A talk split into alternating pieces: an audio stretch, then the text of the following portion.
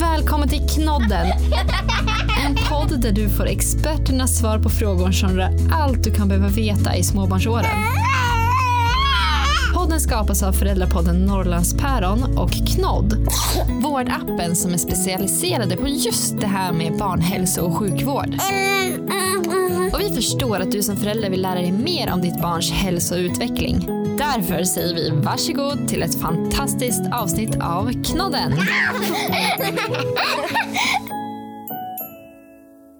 Hej Johan! Hej Jenny Dags för ett nytt avsnitt av Knodden. Äntligen! Verkligen. Och vi har ju hintat lite om eh, vad vi ska prata om idag i förra avsnittet. Det stämmer, nu kommer de. De så kallade luftvägsinfektionerna. Vilka kommer vi prata om? Vad är de vanligaste? Nej, men jag tänker att vi pratar om de här som är väldigt aktuella just nu och där har vi då RS-infektionen. Eh, som RS står ju för Respiratory Syncytial Virus. Jättejobbigt ord, därför säger vi RS. Eh, men det är ju en vanlig, ett vanligt virus eh, som kan drabba egentligen vem som helst men framförallt de som blir dåliga av det är ju de minsta barnen och de äldsta vuxna. Så det ska vi in lite djupare på. Vi ska också prata om eh, covid-19 eh, eller så kallade SARS-CoV-2 eh, sjukdomen som, som i vardaglig dags kallas helt enkelt covid-19. Så det ska vi prata om. Eh, och sen tycker jag att vi pratar lite om influensan som kommer varje år i olika former. Gud vad roligt avsnitt Johan. ja, det är hosta och det är snor och det är feber vi ska prata om.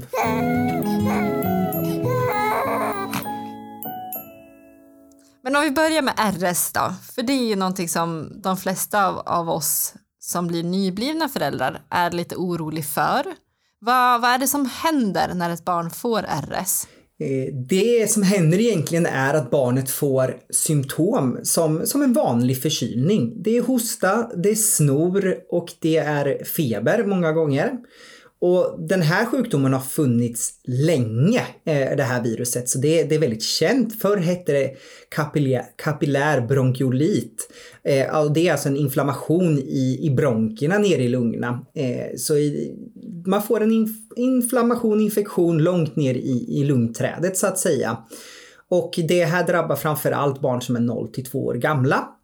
Och som sagt var äldre eh, personer som har ett nedsatt eh, immunförsvar också och som inte har samma motståndskraft mot det här. Eh, det kan drabba oss eh, andra däremellan också men då får vi som en vanlig förkylningsinfektion och vi kommer liksom reda ut det utan problem.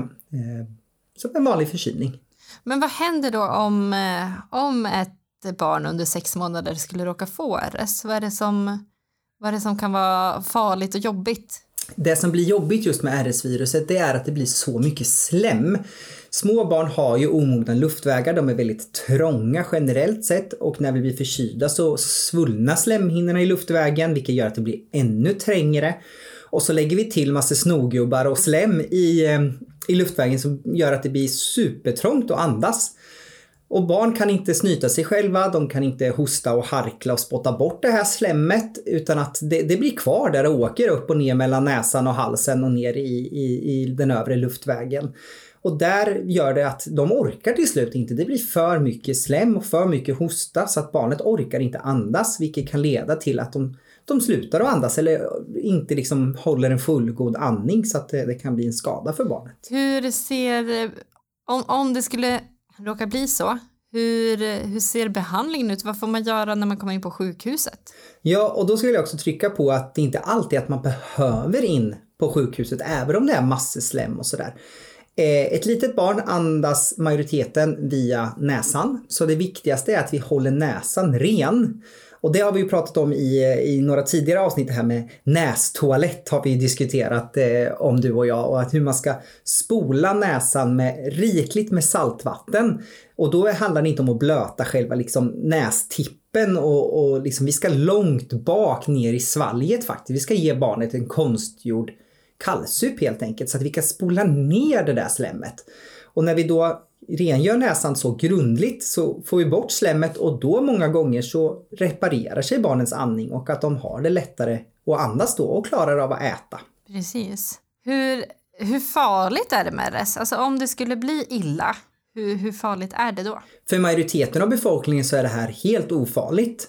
Eh, sen har vi vissa undantagsfall med barn som blir lite sämre eh, och behöver ibland sjukhusvård och vissa behöver ibland intensivvård.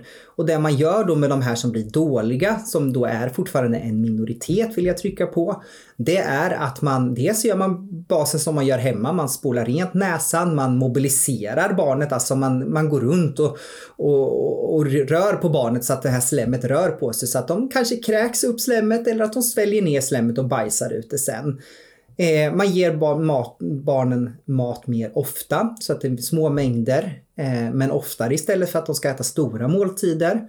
Och de här som hamnar på intensiven, där hjälper man barn dels att få i sig mat eh, men också att man hjälper till med andningen och i första hand så ger man dem lite lite syrgas för att de ska hålla en god saturation. Eh, och saturation är alltså en, ett värde på hur man syresätter kroppen där 100% är max. Eh, och då hjälper man till med lite syrgas så att man, man ligger i ett tillfredsställande saturationsvärde så att säga.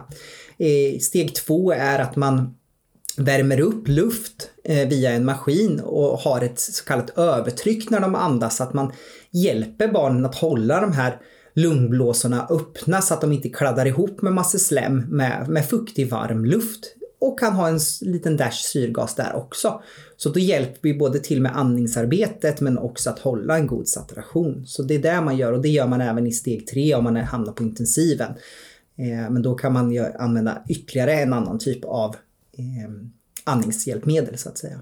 Det känns som att det finns väldigt tydliga protokoll för det här och hur det går till och att få rätt hjälp. Absolut, och det går snabbt att få den om man behöver det.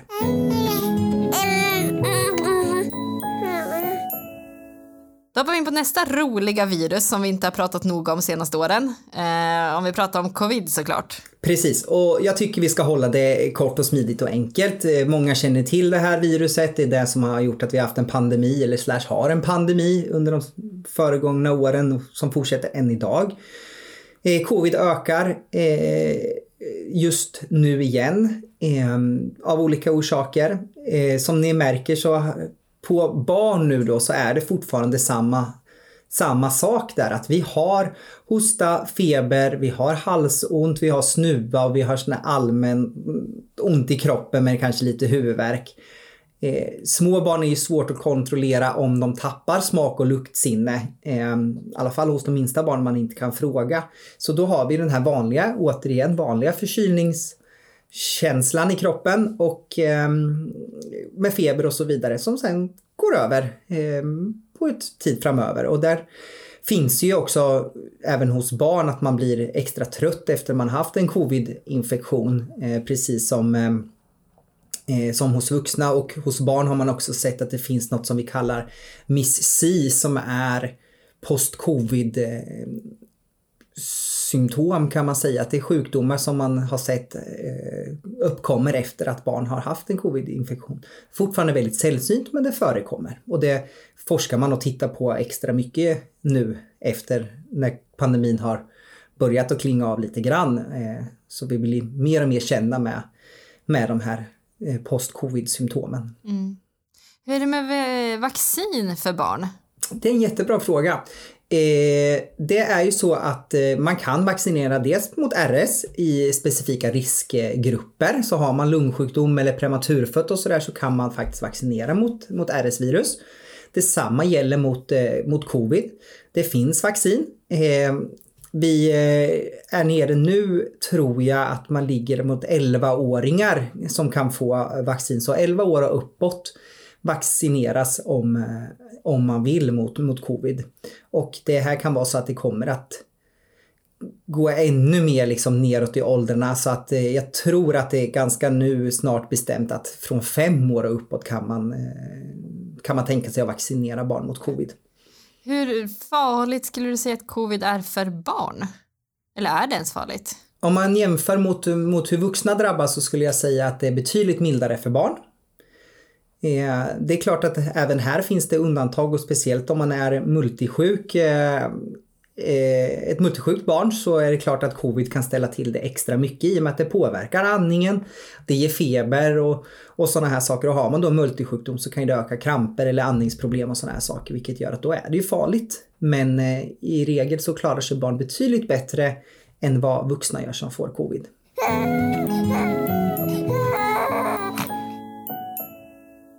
Då har vi sista sjukdomen vi ska hoppa in i, influensan. Ja, den berömda influensan. Mm. Och där, precis som vi går tillbaka då, då, det finns även vaccin här mot influensan. Eh, och det är någonting som de flesta vuxna erbjuds eh, varje år, säsongsinfluensa. Eh, och influensan finns i många olika former. Man pratar om influensa A, B och C. Och olika typer av influensaviruset ger olika allvarlighetsgrad av symptom skulle man kunna säga. Men det här är en, en väldigt djup grej som man skulle kunna grotta in sig hur mycket som helst åt. Men varje år så, så sitter det mycket forskare och tänker att vilken typ av influensa tror vi kommer slå igenom det här året och så gör man ett anpassat vaccin och så vaccinerar vi för att vi ska undvika att bli så sjuka. Och även här vid influensa så är det det som sticker ut mot, mot RS och covid så är det väldigt att muskel, eh, ont i kroppen, eh, trött i musklerna. Eh, det kan vara jobbigt med ögonen, man kan få diarré och illamående. Man är riktigt, riktigt sjuk. Man känner sig verkligen riktigt sjuk. Influensan är inte farligare än någon av de andra sjukdomarna. Men, men man, man mår dåligt när man har influensa. Och det, det, det är jobbigt. Eh, som en riktig jobbig djup förkylning med, med mycket så här muskelengagemang skulle jag förklara influensa som. Mm. Jag kommer ihåg första gången jag hade influensa. Jag kanske gick i, jag gick i lågstadiet någonstans. Eh, och, och, du vet så här, från ingenstans bara fick jag så ont i kroppen och frossade och så till slut somnade jag på lektionen. Så när jag vaknade så var mamma och pappa där och hämtade mig. och det jobbiga där också är ju att det här kan ju hålla i sig en stund. Alltså en, en vanlig förkylning så säger man ungefär en vecka plus minus vid, virusinfektioner. Eh, feber kanske 3-5 dagar men man kan ha feber upp till en vecka. Eh, även vid, eh, vid andra virusinfektioner. Men här, här håller det i sig så man kan ha sjukdomstiden kan vara upp till 10 dagar och feber kanske fem dagar plus minus. Att man, man, man är trött och tagen efter det här och har ont i halsen och då är det svårt att äta och dricka. Man kanske går ner en del i vikt och sådär men det, det hämtar man tillbaka sen. Så att eh, lite samma symptom som det andra men, men ondare i kroppen. Man, man är mer påverkad i, i musklerna framförallt skulle jag säga. Det är den stora skillnaden. Ja. Mm. Det känns som att alla de här tre olika viruserna eh, de har ju sina likheter ändå. Alltså med just det här med att man är förkyld och man får feber och så. Vad är bra att tänka på eh, att ha hemma eller att göra för barnens skull när de får det här? Ja, och det, det vill jag poängtera också precis att, att vi vet och skiljer på de här sjukdomarna. Det är ju bara i ett sjukhusperspektiv hur vi ska bemöta med smittskyddsutrustning och så för personal så att det till dagligvars så spelar det ingen roll om du har influensa, covid eller, eller RS utan vi behandlar det på samma sätt kan vara viktigt att komma ihåg. Så att behöva efterfråga snabbtester och att man ska testa så att man vet vilken av virusen det är. Det har ingen medicinsk bakomliggande orsak utan det är strunt samma egentligen utan det här är mer för, för forskning, för smittspårning och för eh, för att veta hur man ska skydda sig personalmässigt emot det här. Så för att svara på vad ska vi göra då hemma för att det här ska funka? Jo, men vi pratade lite om vid RSN, spola näsan med saltvatten. Håll näsan fri på de små barnen. Superviktigt. Eh, febernedsättande såklart. Eh, finns både Ipren, Alvedon. Följ föreskrifterna. Börja inte mixa själv. Eh, fråga om råd om man är osäker. Högläge att komma liksom upp med, med huvudet och eh, alltså nästan i sittande läge skulle jag säga för då svullnar man inte lika mycket som när man ligger ner. Alla vi vuxna är ganska påsiga i ansiktet och så här på morgonen när vi vaknar. Det rätar ut sig när vi har börjat komma upp och göra frukost och sådana här saker. Samma sak med barnet. En, två timmar efter att de har legat plant ner så brukar det bli ökad hosta för att det svullnar lite i slemhinnorna. Slemmet lägger sig längre bak i luftvägen. Så då upp i sittande läge. Eh, sätt eh, sängen, barnens säng på, på böcker så att det blir liksom en, lite som en rutschkana. Lägg en extra kudde under madrassen. Gör som en, sån där, en sån där orm av en stor filt eller handduk så att barnet inte kan rulla runt och hamna i fotändan. Så att ja, men du kommer i ett högläge helt enkelt. Frisk luft är superbra, gör att slemhinnan svullnar av, snoret rör på sig, barnen rör på sig också. Men håll avstånd till andra så att man inte smittar andra. Eh, håll koll på andningen, vi pratade om indragningar i föregående avsnitt och lite i det här. Så titta på, verkar barnet andningspåverkat? Sök då vård. Näsdroppar till de lite äldre barnen för att få slemhinnan att svullna av. Eh, och så när vi ändå tänker på hostmedicin så säger jag nej. Barn ska inte eh, få hostmedicin även om den är receptfritt utan vi vill att de ska hosta upp det här slemmet. Så eh, hostmedicin har ingen bra effekt eh, oavsett om det är på recept eller inte och eh, har mer negativa vad ska man säga, negativa effekter än mer positiva effekter. Så hostmedicin är, är inte en bra behandling helt enkelt. Hur ska man tänka? Jag tänker eh, vi de här åren har ju lärt oss det här med handtvätt och hygien. Eh, jag antar att det är samma när det kommer till alla de här tre, att det är viktigt att eh, ta hand om hygienen. God handhygien, tvål och vatten, går att toppa lite med sprit om man behöver det, men samtliga de här virusen har, är väldigt känsliga för tvål och vatten helt enkelt. Undvik kindpussar. Om man är en sån som brukar kindpussas mycket, eh, ta i hand, samma sak där. Eh, ha extra fint eh, och rent hemma. Är man sjuk hemma så lägger det sig partiklar på våra handtag och sådana här saker. Torka lite extra, tvätta lite extra eh, för att undvika att vi sprider det här vidare. Och lär barnen tidigt att hosta och nysa i, i armvecket skulle jag säga. Det kommer vi långt på eh, en god tid framöver. Man älskar ju när de missar det där armvecket. Känner hur man får sig en dusch. Mm. Och det är ju precis så de här sjukdomarna smittar också så att eh, Exakt. där har vi ett litet problem. Ja, exakt. Men där är det väl bara så här, kom ihåg att barnen också gör sitt bästa hela tiden. Absolut, inte skälla utan Nej. ge beröm när det blir rätt istället och eh, påminn. Ja, exakt. Och så här, det finns ju ett gäng sådana tvätta handen-visor numera efter den här pandemin. Så sådana brukar vi köra med också för att få det lite, lite roligare. Helt rätt. Det är ett bra tips. Det tar vi med oss tycker jag. Men när vi ändå är inne på så här, smitta vidare och sånt, eh, förskola, när kan mitt barn gå tillbaka till förskola efter att de har haft en sån här infektion? Barnet ska vara feberfritt en till två dygn skulle jag säga. Eh, barnet ska vara så pass piggt så att det orkar med en hel dag med full effekt på förskolan. Eh, viss hosta och viss snuva kan kvarstå för det, det håller i sig betydligt längre efter att man är eller efter man slutat vara smittsam så att säga. Eh, det är ett, ett, par bra knep innan man går tillbaka till förskolan. Och tänk på att ha barnet hemma tills vi verkligen uppnår det här. För om alla gör det, då minskar vi ju smittan på förskolan och det minskar risken att vi blir återinsjukna veckan efter igen. Men börjar man tulla på de här rekommendationerna, ja men då har vi ju en smitta som aldrig tar stopp och då får vi de här massiva vabbdagarna liksom där man knappt hinner tillbaka till förskolan innan man är hemma igen med, med en ny virusinfektion. Så att eh, hjälps åt ni, ni eh, föräldrar som har barn på förskola att se till att ditt barn verkligen är välmående när man skickar tillbaka barnet till förskolan. Mm, verkligen. Bra! Tack Johan för den här genomgången. Jag hoppas att ni som lyssnar känner er lugna och har koll nu på vad ni kan göra eh, för att underlätta för era barn när de, när de blir sjuk, för sjuk blir de. Eh, och eh, om det är så att ni befinner er i vabbstugorna just nu så kom ihåg att det, det kommer gå över. Andas, ta det lugnt, dra ner på kraven är väl också mitt bästa vabbtips. Dra ner på kraven. Helt rätt, det tar vi med oss. Dra ner på kraven och anpassa er efter situationen. Mm. Bra, tack för idag Johan. Tack själv Jenny Li. Hej då!